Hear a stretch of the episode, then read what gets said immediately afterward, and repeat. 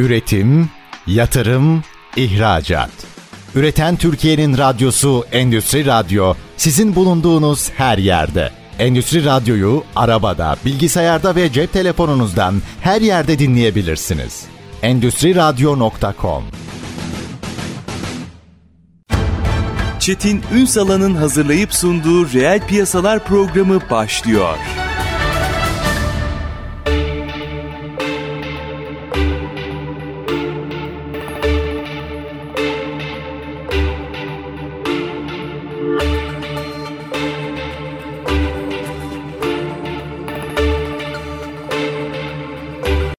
Reel piyasalardan merhabalar. Türkiye'nin gerçek gündeminde birlikteyiz efendim. Bugün gündemimizde sigorta sektörü özelde de değer kaybı var. Meseleyi mercek altına alacağız. Aslında her dönem çok kritik sektörlerden biridir sigorta. Birkaç nedenle kritiktir. Birincisi aslında bir toplumun tasarruf bilincini gösterir. İki, risk yönetimi algısını gösterir. Üç, aslında bütün sektörlerin nabzını tuttuğu için ekonomiyi gösterir. Biz bugün hem sektörü hem de özelinde değer kaybı meselesini de mercek altına alacağız. Kıymetli bir konumuz var. TÜSİED Tüm Sigorta Emeklilik ve Değer Kaybı Derneği Başkanı Tülay Yağdırma. Bugün reel piyasaların konu. Sayın Yağdırma yayınımıza hoş geldiniz efendim. Merhabalar, hoş bulduk. Teşekkürler. Tanımım galiba doğru değil mi? Doğru, evet. Herkesin nabzını tutuyorsunuz. Doğru. Herkes bir şekilde sizde temas ediyor ve her sektörün durumunu biliyorsunuz. Sigorta sektörünün durumu ne? Şimdi sigorta sektörüne e, aslında 2022 yılına bakacak olursak biraz zor bir dönem atlattı sektör olarak. Çünkü sektör olarak sigortacılık gerçekten evriliyor. Neden evriliyor? Şimdi baktığımızda genel olarak sigortacılık dediğimizde eskiden hasarlar, riskler farklı sigorta ürünleriyle tanımlanıyordu. Yani örneğin araç kazaları, kasko gibi maliyetleri bunlar yükseltiyordu ama biz bu döngüde baktığımızda bir kere 2019 yılında yaşamış olduğumuz pandemi süreciyle evrilmenin artık risklerin tanımının da değiştiğini görüyoruz. Yani risk tanımlaması yaparken artık genel anlamda sağlık risklerinin arttığını ve sigortalılarımızın sağlık sektörüne karşı ilgisinin olmaya başladığını, yoğun bir sağlık sigortacılığı anlayışının da ortaya çıktığını görüyoruz. Dolayısıyla riskler değişti. Riskler değişince talepler arttı. Bununla beraber artık sürdürülebilirlik artık tüm ekosistemin döngüsünün de değiştiğini oldu, evet. gördüğümüzde tüm yatırımcılar veya işte tüm e, işletmeler artık sürdürülebilirlik anlayışı içerisinde kendilerini de teminat altına almayı düşünmeye başladılar. Dolayısıyla zor bir sektör. Aslında 2022'de biz sektör olarak zarar ettik ilk defa sigorta sektörü olarak. Trafik tarafında ciddi bir zararımız söz konusu oldu. Bunun temeline inecek olursak da biliyorsunuz ki kurdaki dalgalanma, kur hareketliliği, değer kayıplarınınla ilgili açılan dosyalar, davaların devam etmesi sonucu tabii ki asgari ücretteki artış, tabii ki bunlar parça fiyatlarındaki maliyetlerin artması bizi sektörel olarak bir noktada trafik tarafında ciddi anlamda zarara Bir uğrattı. şey sormak istiyorum çünkü bir ara böyle bir haber çıktı. Artık sigorta şirketleri trafik sigortası yapmak istemiyoruz.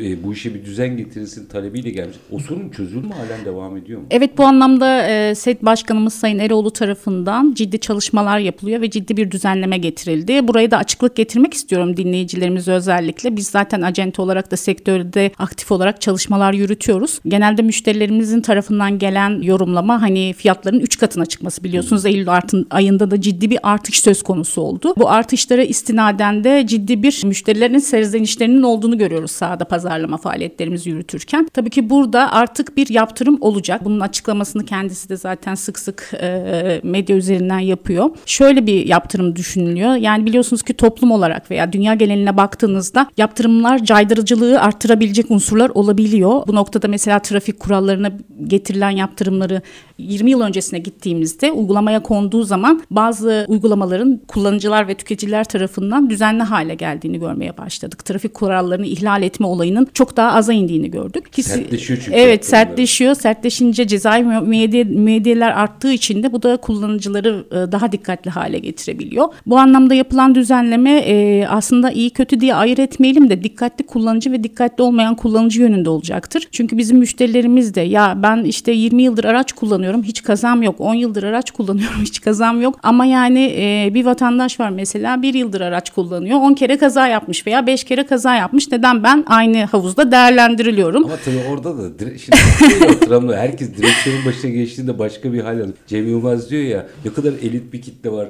Aynı kitle trafiğe çıktığında niye değişiyor diye Doğru. bambaşka bir psikolojiye Doğru. giriyor. Biz- İçimizden bir canavar mı çıkıyor Evet acaba? yani o Biz zaten garip. kamu spotları yapılıyordu biliyorsunuz trafik Doğru. canavarı olmayın ama tabii ki dediğimiz gibi her noktadaki yaptırımlar etkili olabiliyor. Caydırıcılığı art- arttırabiliyor. Böyle bir düzenleme getirilecek. Sanırsam Şubat ayı gibi de uygulanmaya konulması düşünülüyor. Yani iyi ve kötü kullanıcı ayrımı kesinlikle yapılacak. Bu da tabii ki poliçe fiyatlandırmalarına etki edecektir. Bu bağlamda da hani sürücüler veya işte kullanıcılar biraz daha maddi açıdan poliçelendirme aşamasında rahatlayacaklardır. Yani nitelikli şoförseniz Evet. veya ticari de olabilir. E, bünyenizde e, nitelikli şoförlerden oluşan bir ekibiniz varsa aslında bu poliçe maliyetlerinize de yansıyacak. Doğru anladım değil mi? Doğru, doğru. Poliçe maliyetlerine de yansıyacak. Yani aslında doğru bir uygulama. Çünkü dediğimiz gibi maalesef ki hani biz çok kaza riski yüksek bir ülkeyiz. Baktığınızda yani 2021 yılı verilerine baktığınızda 187.900 ölümlü yaralanmalı trafik kazasının olduğunu görüyorsunuz. Bu çok ciddi bir rakam. Tabii ki bununla ilgili düzenlemeler de yapılıyor. Ulaştırma Bakanlığı tarafından olsun, İçişleri Bakanlığı tarafından olsun e, ciddi çalışmalar da yapılıyor. Tabii trafik kuralları ile beraber yapılan çalışmaların hepsini birlikte düşündüğümüzde hem de kamu spotları hazırlandığı zaman ben hani buradan şunu da söylemek istiyorum. Sigorta sektörüyle ilgili de iyi ve kötü kullanıcı veya bununla ilgili de bir kamu spotu çalışması yapılırsa aslında algı daha da iyi yönetilebilir diye düşünüyorum. E, Yani bu bağlamda da trafik e, sigortalarındaki marjları daha aşağıya çekebiliriz ve bu doğrultuda da hani sektöre gelen zarar biraz daha az olmuş ve sürdürülebilirlik ilkesi içerisinde daha uzun vadede ciddi yatırımlar yapabilir diye düşünüyorum. Sigorta sektörünü konuştuğumuzda hep şu gündeme geliyor. Bu nispeten eski yıllara oranla belli bir bilinç oluştu orada. Şimdi Evet. bunun altını çizelim ama hani normalde bize kaçı olur diye bir durum var ya Doğru, başka ürünler doğru. için. Bu poliçede de yapıldığında aslında mesela nitelikli acente diyor ki hani şu fiyata indiğiniz anda şundan şundan şundan Doğru. kayıplarınız oluyor. Şimdi bu nitelikli poliçe sahibi ve acente ilişkisi. Bir de tabii hayatın kendisi de devam ediyor. Çok zorlu Aslında hayatın kendisi sigorta diyorum Tabii, ben. tabii. Hep öyle başlarım cümleme. Bu ayrıntılara girmeden ısrarla poliçede fiyat baskısını uygulayan müşteri karşısında biraz yılan ve tamam deyip aslında birçok hakkı, hakkı kısan acenteler de görüyoruz. Doğru, doğru. Çünkü yani matematik belli. yani bir şeyi satın alıyorsunuz. Fiyatını düşürüyorsanız bazı şeylerden feragat ediyor olmanız lazım. Bu konuyu biraz daha bilinçli bir şekilde tartışmamız gerekmiyor mu? Haklısınız. Aslında bu noktada biraz bilincin arttığını görüyoruz. Çünkü şu anda hani araç bedellerindeki yükselme de biliyorsunuz ki fiyatlanmaya etki yapmış. Biraz daha artık tüketiciler bandında baktığınızda herkesin aracı çok değerli hale geldi. Bu bölgeye baktığınızda. Dolayısıyla olası bir kazada teminatlarını aslında bilinçli tüketici olarak alması gerekiyor. Bir kere mesela ihtiyarın mali mesuliyet denilen bir şey var. Bunu çok kimse bilmez. Bunu ne zaman bilirler? Birazdan değer kaybında da bahsedeceğiz. Ee, özellikle kazalar sonrası oluşan maddi hasarların yanı sıra bedeni hasarlar da bedeni ölümlü yaralanmalı, sakatlanmalı çok ciddi bedellerin olduğu kazalar da olabiliyor. Zincirleme kazalar da olabiliyor. Eğer siz bu tarz teminatlarınızı kısarsanız ya kasko poliçeniz yoksa yani varsa oradan tabii ki belli bir bedeli karşılayabiliyorsunuz. İMM dediğimiz. Eğer yoksa bunu cebinizden ödemek zorunda kalıyorsunuz. Çünkü bir cezai yaptırımı olacağı için. Dolayısıyla bu konuda çok ısrarcı olmamalarını öneriyorum. Çünkü e, yani biz bile artık geçmiş döngüde İMM bedellerini daha farklı rakamlarda çalışırken artık 1 milyon ve üstünde çalışmaları öneriyoruz İMM'de. Bunun sebebine gelince de araçların bedelleri arttığı için yani bugün ortalama trafikte orta döngüye baktığımızda 300-400 bin bandındaki en alt sayıdaki aracı düşünecek İkinci olursak ellerde evet yani. ikinci ellerde bunun çok daha üstünde e, araç bedellerinin 1 milyonun üzerinde olduğunu göreceğiz. Yani böyle bir kaza durumunda da sizin seçmiş olduğunuz teminat size ciddi anlamda fayda sağlamayacaktır. Dolayısıyla ısrarcı olmasınlar. Gerçekten sigortacıların bu konudaki yönlendirebileceği teminatlar konusunda daha dikkatli alımları gerçekleştirmelerini öneriyorum. Sigorta enteresan bir sektör. Yani ihtiyacınız olduğunda aslında ne yaptığınızı anlıyorsunuz. Aslında ihtiyaç olduğunda diyelim risk gerçekleştirildiğinde de satın almayacağınız tek enstrüman Tabii, sigorta. tabii, tabii. Bunu hep söylüyoruz zaten. Yani e, o anda hani bir mücadele veriyorsunuz. Rakam mücadelesi Doğru. sigorta poliçesi sırasında ama Allah korusun birinin başına bir şey geldiğinde de o anda aslında neyi alıp neyi almadığınızı ne üzerinden pazarlık yapıp yapmadığınızı o an anlıyorsunuz. Evet bu Çok tüketici oluyor. bilincinin çok ciddi anlamda bizlere de çok büyük görev düşüyor acent olarak. Yani işi ehil kişiler artık yapabiliyor mu sektörde? Yapıyor. Biz bundan 20-25 yıl öncesine döndüğümüz zaman e, bakın bugün sigorta sektöründe SAGEM belgesi olmayan birini çalıştıramıyorsunuz. İşte yüksek e, okullarımız var sigortacılık, bankacılık Çantacı bölümü. var, Kesinlikle tiyatrolar yani var. her işte araç bayisinin çok iyi satışı olan yerinde sigorta acenteliklerini görebiliyorduk. Tabii ki ben bunları hani söylerken biraz daha mesleğimizin çok daha değerli olduğunu gö- gördük son zamanlarda. Gerçekten çok ciddi Çok yaptırımlar, mücadele verildi. mücadele ama. verildi. Yıllar içinde şahidim. Çünkü dünyanın devleri zaten Türkiye'de. Çok ciddi bir pazarımız var aslında sigortacılık anlamında baktığınızda. Çünkü yatırımcılar Türkiye pazarını e, bu anlamda seviyorlar ve bu pazarı da bırakmak istemiyorlar işin açıkçası. Bir kere nüfus olarak çok genç bir nüfusumuz var E, ve her krizinde yeni bir sigorta ürünü doğurduğunu da düşünecek olursak pazarın önü çok açık. Tabii bu anlamda pazar çok açıksa, büyüme odaklılık varsa tabii ki daha ehil kişiler tarafından, daha bilinçli kişiler tarafından ve eğitimli kişiler tarafından sektörün ele alınması bizi başarıya ulaştıracaktır diye düşünüyorum. Ürün demişken bir iki dakika sonra bir araya gideceğim ama oraya bir konuşmak isterim. Mesela dünyada çok farklı sigorta türleri görüyorum. Doğru. Hı hı. Sigorta ürünleri görüyorum Doğru. daha doğrusu sizlerin Daha da gelecek. e, tabiriyle. Bizde çok kısıtlı yani işte sayarız. Öyle parmaklarımızla sayabiliriz. Bu sigorta şirketleri o ürünlere sahip olmadığı için değil. Çünkü aynı sigorta şirketlerinin dünyada farklı ürünleri olduğunu Doğru. görüyorum ben.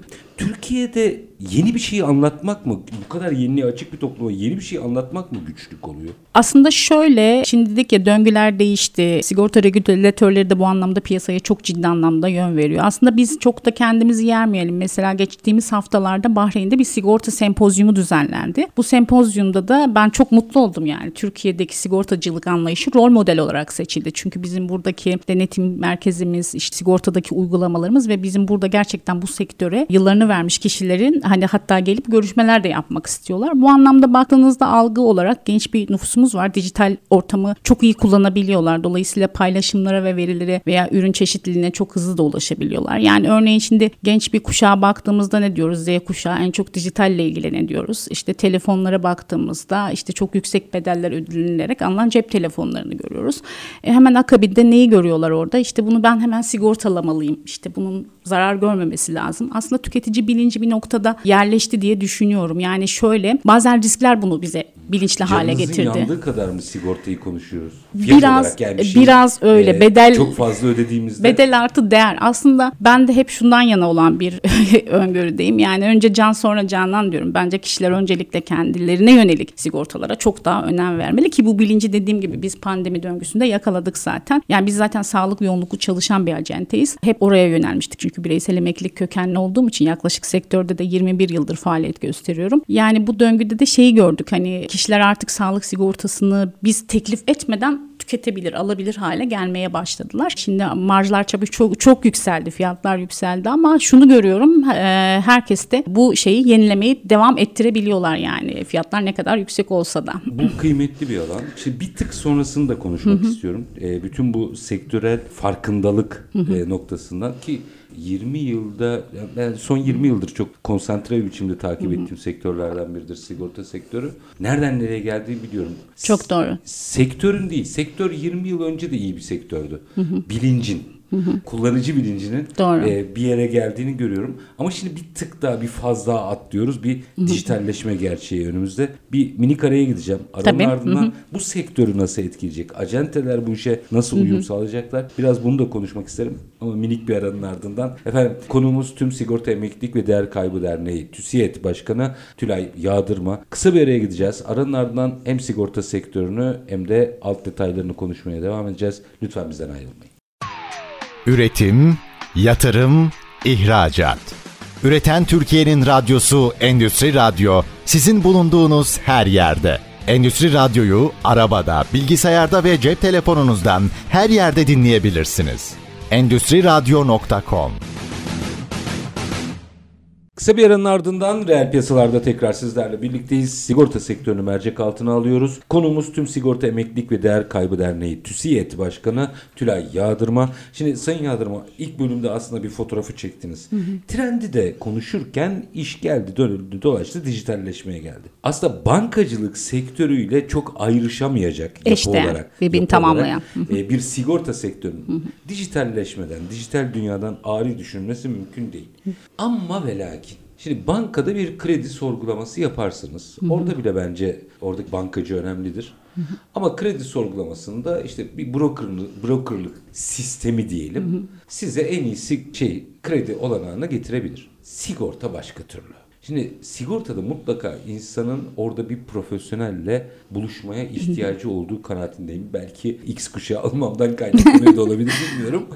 Çünkü sorunun hem insanla çözüldüğünü hem de bizler tarafında, müşteriler tarafında o yeterli bilincin oluşmadığı kanaatindeyim. Dijitalleşme, sigorta sektörü ve acente üçgeni desem ne dersiniz? Şöyle izah edelim. Zaten biz sektörel olarak baktığımızda biz insanla iş yapan ve insana dokunan bir sektöre hizmet vermekteyiz. Dolayısıyla sizin de söylediğiniz gibi iletişim burada çok önemli. Tabii ki dijitalleşme hayatımızın olmazsa olmazı haline geldi. Bu döngüde aslında acente tarafında dijital kanalı hani satış tarafını oluştururken ben hep yine de şunu söylüyorum. Bir kaza yaşadığımızda veya bir risk başımıza geldiğinde evimizle ilgili bir hasar oluştuğunda biz aslında orada poliçelerimizde yazan çağrı merkezlerini aramak yerine ilk kimi arıyoruz? Sigortacımızı arıyoruz. Ne yazdığını bile bilmiyoruz. Çok. Çoğu zaman evet bilinmiyor. İlk panik haliyle Ne insanlar yapacağım diye ne yapacağım diye sigorta sigortacıya dönülüyor. Tabii ki dijitalleşme e, sigorta sektöründe bazı kolaylıklar sağlayabileceği bazı ürün segmentleri olabilir ama bazı kısımda da şimdi hizmet verdiğimiz bir sektörden gözde görünmeyen bir üründen bahsediyoruz. Satışını tamamladıktan sonra bize en, en çok ihtiyaç ne zaman duyuluyor? Risk gerçekleştiği anda. Bu sefer madalyonun öbür yüzündeki gerçeği görmemiz gerekiyor. Dolayısıyla ulaşılabilirlik isteği doğuyor müşterilerimiz tarafından. Yani bir döngüde dijitalleşmeyi biz buraya uyarlarken aslında altyapısal olarak farklı formasyonlarını da düşünmek zorundayız. Yani ben mesela şu kanaatteyim. Tabii ki acenteler bu anlamda yol alsın, dijitalleşsin, pazar ağını genişletsin. Ama mesela oraya yapılan kurgulamalarla ve sistemlerle canlı destekler uygulanabilir. Müşteri bilincini sağlayabilecek. Yani sadece sanal ortamda bunu alabilmek veya bu şekilde ilerlemek çok da doğru baktığım bir bakış açısı değil. Çünkü hizmeti satın aldıktan sonra arkasını doldurmanız gerekiyor.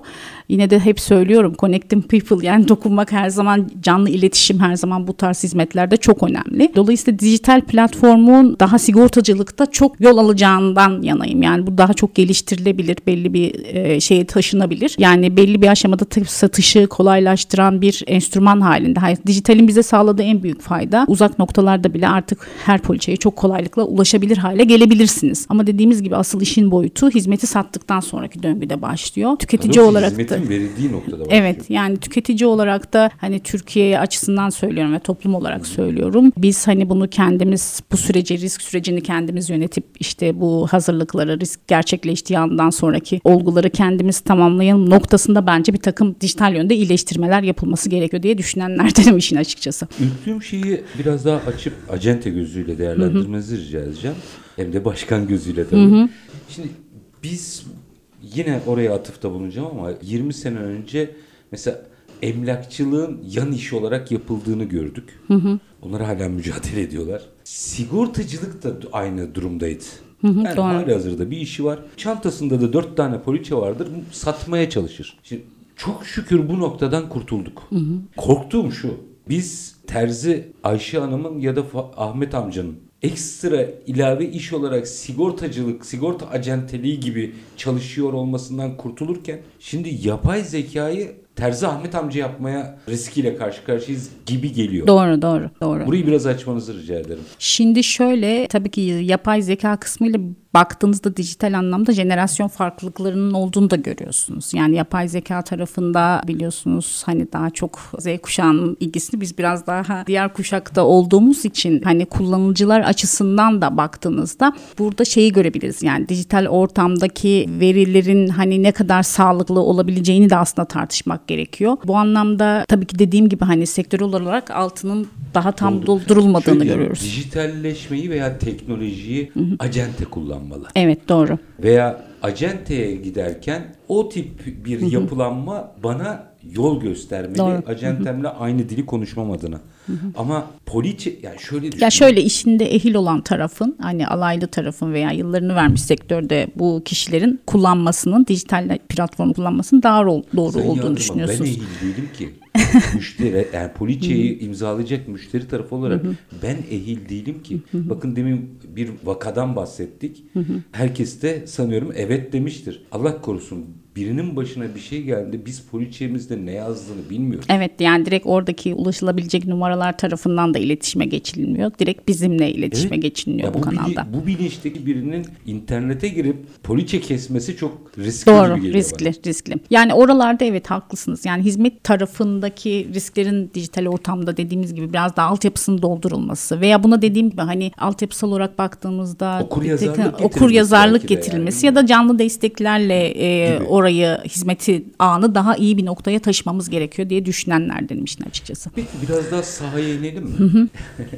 Şu meşhur değer kaybı meselesi. Allah sistemsel açık diyelim yani. Herkes konuşuyor ama Otorite bir boşluğu. türlü oturmadı iş.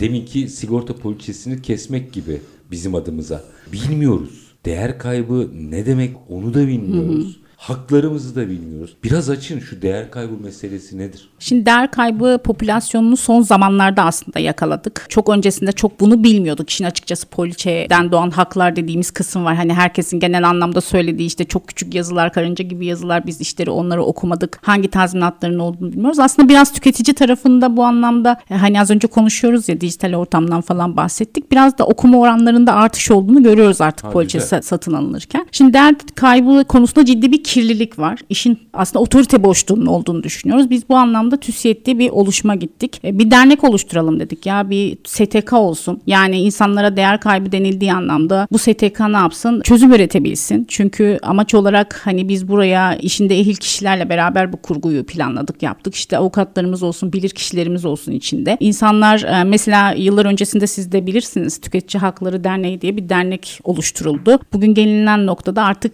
tüketicilerimiz bilinçli hale geldi. Haklarını bu merci aracılığıyla arayabiliyorlar. Biz de bu değer kaybındaki otorite boşluğunu daha top, sivil toplum örgütü haline getirelim dedik. Bu anlamla kurulduk. 2019 kuruluşluyuz ama yani önümüzdeki günlerde ciddi anlamda çalışmalarımız ve projelerimiz var planladığımız. Değer kaybı nedirle başlayalım Çok isterseniz.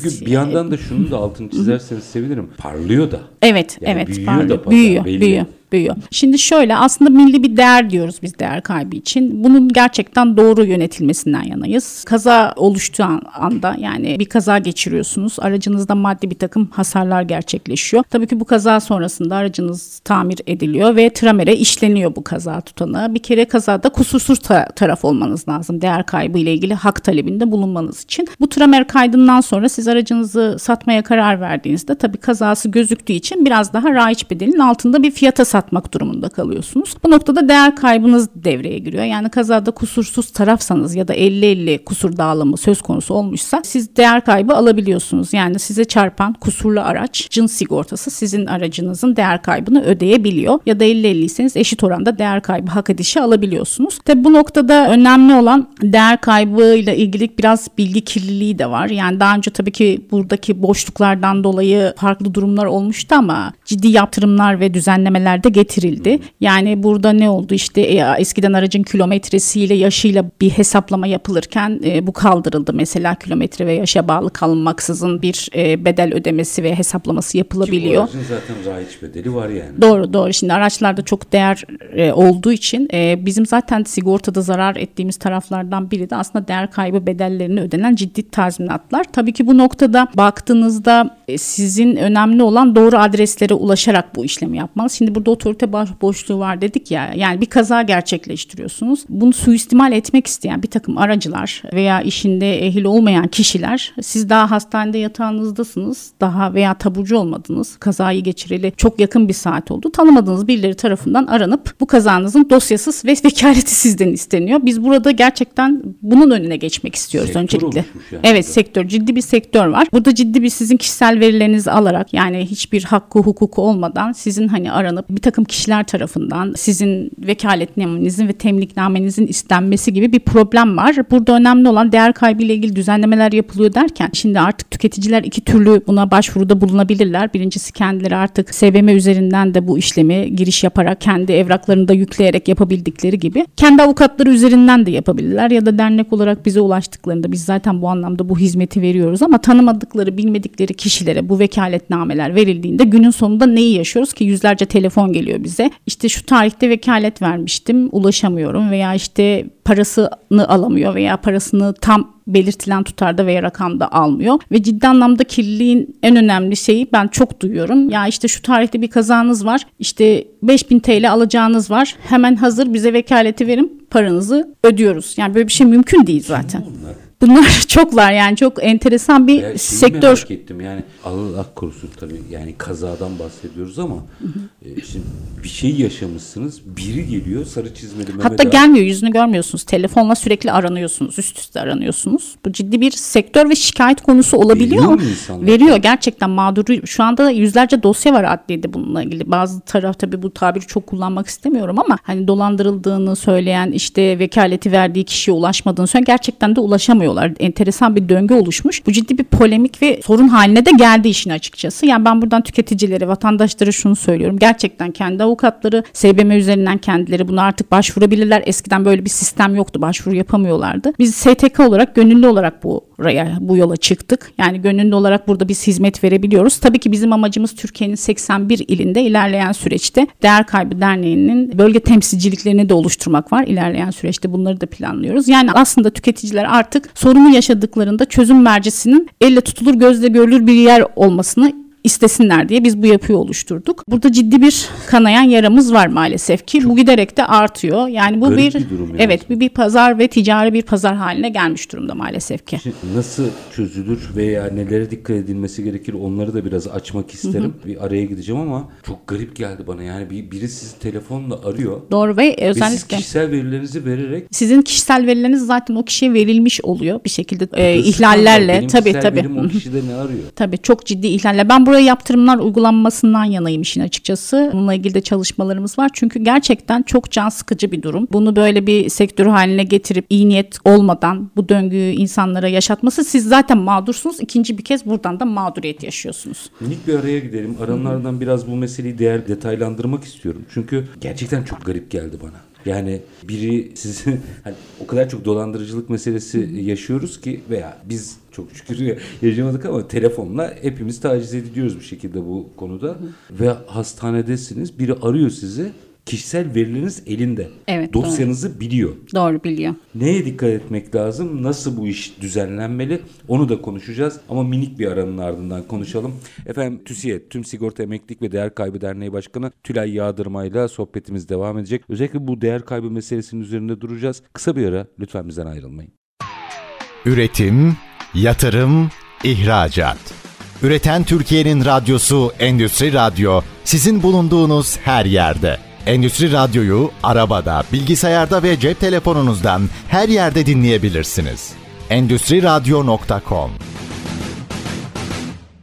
Kısa bir aranın ardından reel piyasalarda tekrar sizlerle birlikteyiz efendim. Sigorta sektörünü mercek altına alıyoruz. Özellikle değer kaybı meselesinde kalmıştık. Konumuz tüm Sigorta Emeklilik ve Değer Kaybı Derneği. TÜSİED Başkanı Tülay Yağdırma. Şimdi Sayın Yağdırma araya giderken şu değer kaybı meselesi hani şunu anlayabilirim. İnsanlar bilinçsizdir ve bu değer kaybının peşine düşmüyordur ve havuzda kalıyordur. Bunu anlayabilirim. Bu konuyla ilgili bilinçlendirme yaparız. Ben konuyla hiç alakası olmayan biri diyor ki sizi arıyor diyorsunuz ki sizi arıyor bize vekalet verin. Şimdi neresinde dehşete düşeceğimi bilemedim. Konuyla hiç alakası olmayan birinde benim kişisel verilerimin olmasına mı? Evet. Beni aramasına mı? Kim olduğunu bilmediğim birine vekalet verilmesine mi? Sonrasında yaşanan Sonrasında mağduriyet mi? mı? Doğru. biraz açın ne olur bu hikayeyi. Şimdi gerçekten burada e, dediğimiz gibi bu konuda ciddi bir düzenleme yönüne gidil. Kendi avukatları ve dediğim gibi baş, kendi başvuruları olmadan veya bizim de dediğimiz gibi TÜSİED üzerinden de hareket edebilirler. Burada inanılmaz bir vahim diğer konu var. KVKK'yı söyledik ama gerçekten de bu istenilen vekaletler bazen süresiz de olabiliyor. Temlikname niteliğinde de olabiliyor. Burada asıl ikinci vehamet şu boyutta başlıyor. Şimdi diyelim ki gerçekten verdiniz ve o e, sizden bu vekaleti alan kişi işleminizi yaptı. Bir de vekaletinizde eğer süresiz bir tanımlama varsa siz bir daha bir kaza yaşadınız veya başınızdan bir olay geçti. Tabii ki o avukata vermiş olduğunuz bu evrakı da unuttunuz. E, ve sizin adınıza e, daha sonraki işlemlerde bir takım paylar alınabiliyor. Siz, sizin bundan haberiniz bile olmayabiliyor. Yani iş ciddi bir boyutlara kadar gidebiliyor. Ciddi bir şey var. kazada ona çalışıyorum yani. Tabii yani eğer bilinçli bir tüketici değilseniz burası da özellikle temizlenme kısmında da uyarıyorum. Yani dikkatli olsunlar. Bu tarz aramaların sonucunda tabii ki bunu hani iletişim ağında geri dönüş sağlayanlar da vardır. Kendi bünyelerinde avukat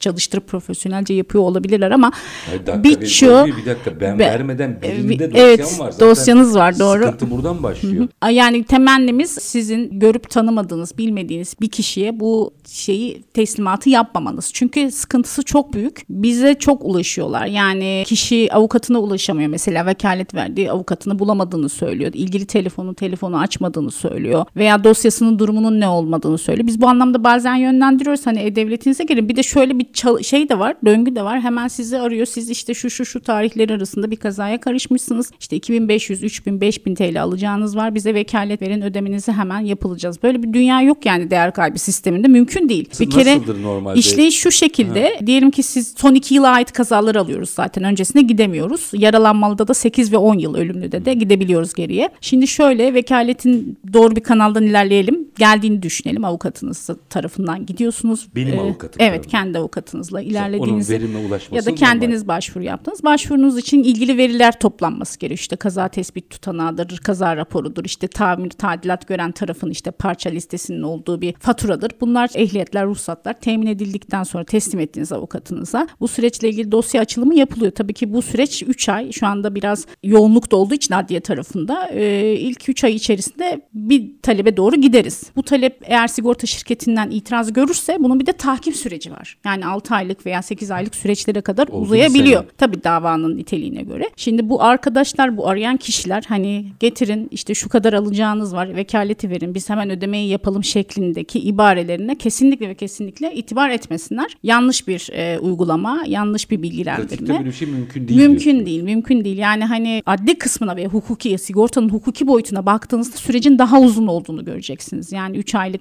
4 aylık periyotun yanı sıra eğer bir de tahkim girdiyse devreye 6-8 aydan önce o dosyanın sonuçlanması zaten mümkün değil değer kaybı noktasında. Ha, diğer cana ve yaralanmalı kazalarda bu süreç tabii ki bedeni ve manevi tazminat davasına dönüşeceği için daha uzun süreçte sonuçlanıyor. Salmaz uzalır diyorsunuz. Tabii, yani tabii, tabii. Hemen diye bir şey yok. Hemen diye bir şey yok. Buna itibar etmemelerini, kesinlikle canlarının yanmamasını, ikinci bir kez de mağduriyet yaşamamalarını. Yani bazen bize ulaşılıyor, ulaşılamadığı için en nihayetinde hani azinname önerisinde bulunuyoruz. Hani madem böyle bir şey var, ulaşamıyorsunuz, telefonlarınıza cevap alamıyorsunuz. En nihayetinde biz de tüketici tarafında olduğumuz için hani e, vekalet tarafının azledilmesi konusunda kendilerini uyarabiliyoruz. Yani bunlara çok çok çok dikkat etsinler. Arada kaynadı bir detay daha var. O vekalet süresiz olabilir diyorsunuz. Tabii, tabii. Orayı da biraz bir daha hatırlatırsanız sevinirim. Şimdi vekaletin süresiz olması kişiye şu hakkından yani kişinin kendi hakkına ihlal edilmesi diye görüyoruz. Şimdi sizin mevcut kazanız için aldılar. Evet bir vekalet çıkarttınız. Bunun akabininde şimdi herkes bir metropol şehirde iş dünyasında kargaşa içerisinde yaşıyor. Tabii ki başka bir dönemde bir kaza yaşadınız. Unutacak bile olmadı. Unuttunuz vekaletinizin olduğunu. E sizin vekaletiniz ilgili kişi de tabii ki bu kişi tarafından da bu vekalet ikinci veya üçüncü bir kazanızda sizin adınıza kullanılıp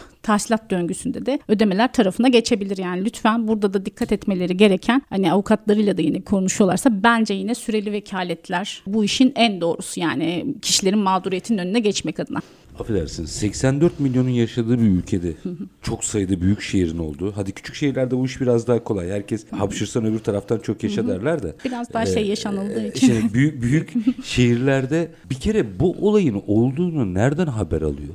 Şimdi şöyle bir şey var bir sistem kurulmuş kaza anında kaza sürecinde kazanın o başladığı noktadan hastaneye gidilen sürece kadar olan bir döngüde bir sistem var veya bir de aracınızın tamir edildiği bir ortamda sizin verilerinizin olduğu bir sistemin olduğunu düşünün. Aslında bir kere buranın önüne geçilmesi gerekiyor. Yani kaza anında tanımadığınız bir kişilerle karşılaşacaksınız veya yaralandığınız hastaneye sevk edileceksiniz hastanede yatacaksınız. Yine bir takım kişilerle karşılaşacaksınız. Dolayısıyla kişisel veri paylaşımı aslında bazı kanallar tarafından yapılıyor. Biz bunlardan Yani bu zincirin içinde bir yerde kaçak var o zaman. Evet var. Buraya el atılması gerekiyor. Ciddi bir yaptırım uygulanması gerekiyor. Ya da sizin aracınızın servis tarafından işte yetkili olur veya kendi tanıdığınız bir servisiniz olur. Oradaki taraflarda yani bu kişilerde tabii ki e, denetim altına alınmalı. Yani bence e, biz hani TÜSİAD olarak şunu da konuşuyoruz. Biz evet TÜSİAD olarak yapalım. Dernek olarak bu oluşumu güçlü bir yapı haline dönüştürelim. Mesela ilgili servisler artık belli bir noktada TÜSİAD'in denetimi altında yetkili bir hale gelsin istiyoruz. Yani bununla ilgili gerçekten alacağımız çok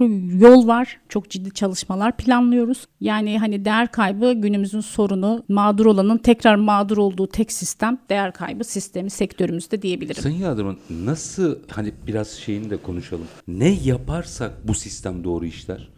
Hani hangi fotoğraf doğru bir fotoğraf olacak bize? Şöyle söyleyelim aslında bilinçlendirmeyi biz STK olarak üzerimize büyük bir görev olarak üstlendik. Bir de e, bence artık bu konuda işinin ehil olması gereken yani biz şimdi şeyi konuştuk sizinle bu bizim projelerimizden biri. Şimdi biz eskiden sigortacılığı her yerde görebiliyorduk dedik 25 yıl öteye gittiğimizde. Değer kaybı uzmanı diye bir şey oluşsun. Ben bununla ilgili ciddi çalışmalar Sırf içerisinde. işi bu olsun. Evet diyorsun. yani niye bir sigortacı olmak için bugün SEGEN belgenizin olması gerekiyor. BES satmanız için BES aracı belgenizin. Eksper olmak için hazineye başvuruyorsunuz, sınavlardan geçiyorsunuz, eksper oluyorsunuz. Ciddi bir e, döngüsü var. Niye bir değer kaybı uzmanı yok? Değer kaybı uzmanları yetiştirelim. Biz bununla üniversitelerde bilinçlendirme çalışmaları yapalım diye yola çıktık. E, bu değer kaybı uzmanları yine sigortacılık, bankacılık, yüksek okulu üzerinden de yetişebilir. İhtisas olsun, alt aynen ihtisas aynen olsun alt ihtisas olsun. Aynı zamanda bunun şey sertifikası olsun değer kaybı uzmanı şeklinde ve bu ilgili hani otorite boşluğunu biraz daha sistemli bir hale getirelim istiyoruz. O yüzden bu şekilde olursa biz sorunun biraz daha temellerini kökten çözmüş oluruz. Yani hani tabii ki şöyle var okur yazar onarlık oranından da bahsettik. Şimdi her kazaya karışan kişinin çok internet kullanmadığını veya bu değer kaybı konusunda çok bilgili olmadığını düşünecek olursak hani gelen telefonlara itibar edip bunları verme ihtimalinin de çok yüksek olduğunu göz önünde bulundurursak yani bu anlamda bilinçlendirmeyi biraz daha yaygınlaştırmamız gerekiyor diye düşünüyorum. Uzman bence çok güzel bir öneri. En azından kime başvuracağınızı bilirsiniz. Tabii bu uzmanlığı da yine bence sigorta Acenteleri içinden, içinden. yapmak E, lazım. Yani konuyla hiç ilgisi olmayan bir Tabii, uzman tabii. da sıkıntı yaratabilir. Ama şöyle bir tehlike de var burada. Şimdi biz tabii bu uyarıyı yaptık. İnsanların değer kaybıyla ilgili gelen telefonları ciddiye alıp ya git böyle bir şey yok deyip telefonu kapatma ihtimali de var. Değer kaybı hakkı var değil mi? Şimdi bir Var. kere onu bir konuşalım da hani bunun Ama bir- genelde kapatmıyorlar telefonları. yani bunun bir dolandırıcılık meselesi değil bu. Değer kaybı diye bir şey var. Birileri bunu istismar ediyor. Evet istismar var, otoritede boşluk var. Dolayısıyla ehil kişiler tarafından yapılan tarafı da var, yapılmayan tarafı da var. Bir de dediğimiz gibi hani ilk zaten bazen bize bilinçli tüketiciler acente olarak ulaşabiliyorlar. Hani aramalar sonucunda itibar etmeyip ama ulaşmayan kişilerin ciddi bir vehametinin söz konusu olduğunu biliyoruz. Değer kaybım onu biraz altını çizmek anlamında bir daha söylüyorum. Değer kaybım olası bir kazada e, benim aslında oradan alabileceğim bir tazmin var. Evet var. Yani kusursuz taraf olmanız şartıyla. şartıyla. Kanun zaten bunu belirlemiş. Bir daha altını çiziyorum.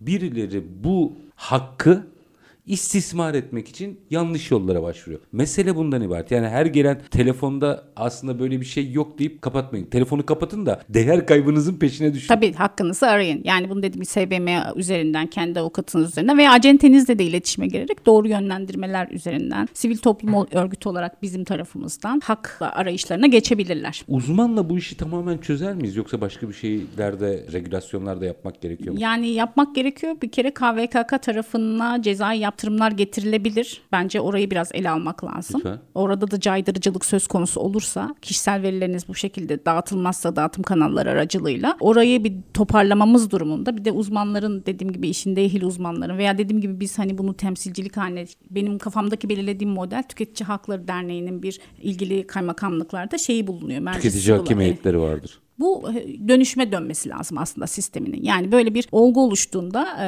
artık kullanıcı, araç kullanıcısı, araç sahibi bence bu sistem üzerinden yürürse daha sağlıklı hizmet alır diye düşünüyorum. Hem de uzmanların da orada olması gerekiyor zaten. O sistem içerisinde hareket etmesi gerekiyor. En mantıklı çözüm bu gözüküyor. E, siz bundan artık kaygılanmaya başladığınıza göre burada çok anormal bir volüm oluşmuş gözüküyor. Doğru. E, bir olasılığın peşinden mi gidiyorsunuz yoksa hali hazırda burada e, gerçekten büyük bir maddi anlamda söylüyorum sektör oluştu mu? Çok ciddi bir sektör var. Çok ciddi kar marjları da yüksek bir sektör haline gelmiş durumda. Yani aslında çok hoşlaştığım bir durum değil. Yani bir mağduriyetin üstünden ticari bir kazanç elde etme olgusuyla hareket ediliyor maalesef. Bizim yapmak istediğimiz yani mağduriyeti çözüme kavuşturmak. Yani mağduriyetin üstünden yeniden bir mağduriyet yaratmak veya bir ticari kazanç beklentisinden bu olguyu aslında sistemsel olarak çıkartmak ki o yüzden diyorum kesinlikle uzmanlar olsun, bölge temsilcilikleri olsun hani artık kullanıcılar doğru adreslerle ilerlesin. Yani bunu gerçekten sektörel olarak bizim buraya taşımamız gerekiyor. Yani aslında bir hakkınızı kullanırken mağdur duruma düşüyorsunuz Evet, evet. anladığım kadarıyla. Ağırlıklı olarak telefonlar ulaşılamadığı yönünde mi? ulaşılamadığı işte bazen tüketici hani bilinçli hale gelişince şöyle bir şey bedeller de yanlış söyleniyor olabilir. Şimdi mesela bizde şey yok. Şimdi değer kaybı dedik de ya mesela özellikle de şeyde de çok bedeni yaralanmalı sakatlanmalı da çok ciddi tazminat kalemleri var aslında poliçelerin detaylarına inip gördüklerinde neler oldu işte bir dex- destekten yoksun olma işte iş görememezlik uzun süreli sakatlık gibi işine devam etmeme gibi bunun çok daha altında tazminat kalemlerinin olduğunu da göreceksiniz. Dolayısıyla hani bedel veya tazminat hakları hesaplanırken eksik de aktarılabilir tüketicilere. Yani bunun çok çok bilinçli bir tarafı Aslında 5'tir de 3 söylenmiş gibi olabilir gibi. Hı hı, diyorsunuz. gibi gibi. Yani bunlar çok ciddi açıklar sistemde baktığınızda. Ee, özellikle bu konuda bilinç sahibi olalım diye soruyorum. Bu başlı başına bir sigorta değil. Bir sigortanın içerisindeki haktan Hakkınız, kaynaklı. evet. Hangi üründen? Trafik e, sigortası. Trafik sigortasının içindeki hakkımdan Hakta kaynaklanıyor. Trafik, sigortası poliçesini aldığınızda kaza başına bir e, tutar belirlenmiştir. Yani 100 bin TL, 200 bin TL. Primini Ee, ödüyorum aslında. Tabii yani. siz bedelini ödüyorsunuz. Bir de ölümlü yaralanmalı, sakatlanmalı tazminat bedelleri yazar zaten poliçenizde. Şu anda 5 milyon TL olarak görürsünüz. Sizin aslında yasal hakkınız. Yani kazaya karıştığınızda sizin yanınızdaki taşıdığınız, siz kazada kusurlu olsanız bile yani tek yönlü veya çift yönlü bir kazaya karıştınız. Örneğin alkollü kullanıyordunuz. Bu kazaya sebebiyet verdiniz. Yanınızda taşımış olduğunuz yolcu da burada bedeni ve yaralanmalıdan tabii ki tazminat hakkı doğabiliyor. Hani siz tabii cezalı olduğunuz için bir haktan yararlanmıyorsunuz. Dolayısıyla sorumluluğu çok geniş olan bir teminattan bahsediyoruz. Bunu da birçok tüketici bilmiyor ya da işte buradaki tazminat rakamları özellikle yaralanmalı da ölümlü de sakatlanmalı da çok daha yükselebiliyor. İşte burada da ticari kazanç dediğimiz yani hani bu işi ticarete dökme anlamında koşturmaların sebebi bu çok aramaların insanları canından bezdirir noktaya taşınmasının altında temelinde aslında bu yatıyor. Var. Bir de şimdi araçların bedeli de yükseldi. Yani Tabii, şimdi hasar aldınız eskiden yükseldi. değer kaybı 3-5 bin liralar gibi falandı ama şimdi bir kapınızı eskiden 10 bin liraya değiştiriyorsanız araç kapınızdan darbe aldınız diyelim ki şimdi bunun orijinal servise de gittiğini düşünün. Parça tedariğine bakın. Birebir eşdeğer parça da takıldıysa birebir parça orijinal takıldıysa tabii e, bedeller 40 bin liralara 50 bin liraları görüyor. Böyle bir parayı kim almak istemez diyelim baktığınızda.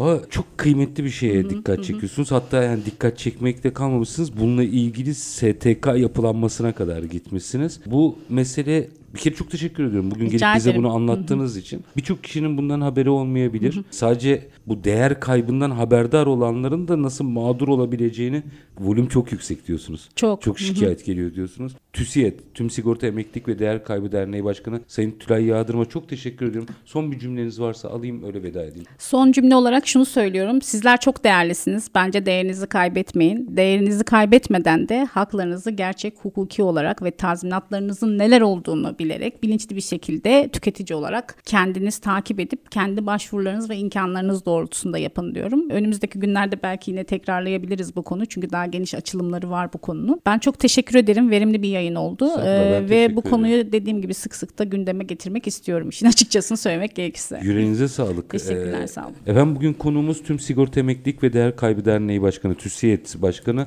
Tülay Yağdırma'ydı. Değer kaybı bir sektör olmuş. Öyle gözüküyor. Aslında normal trafik sigortası poliçemizin içerisinde doğal haklarımızdan biri. Primini ödediğimiz haklardan biri. Ondan sonra bir e, rant kapısı haline dönüşmüş. Garip bir işler de var tabii. Yani işin içerisinde Sayın Yağdırma'nın anlattığında yani sizin o zincir içerisinde bir yerden bir kaçak var. KVKK problemi. Kaçakla birine sizin verileriniz veriliyor. Bu biraz güvenlik problemine dönüşmeye başlıyor. Ondan sonra bu kişi sizi arıyor. Siz tanımadığınız birine vekalet veriyorsunuz. Güvenliğin boyutu büyüyor. Sonra da o hakkınız zaten poliçede primini ödediğiniz bir hakkınızı belki de tahsil edemiyorsunuz. Bu da dolandırıcılık boyutuna giriyor. Enteresan. Aslında çözüm çok basit. Sayın Yağdırma dedi ki sertifikalı uzmanlar geliştirmemiz gerekiyor.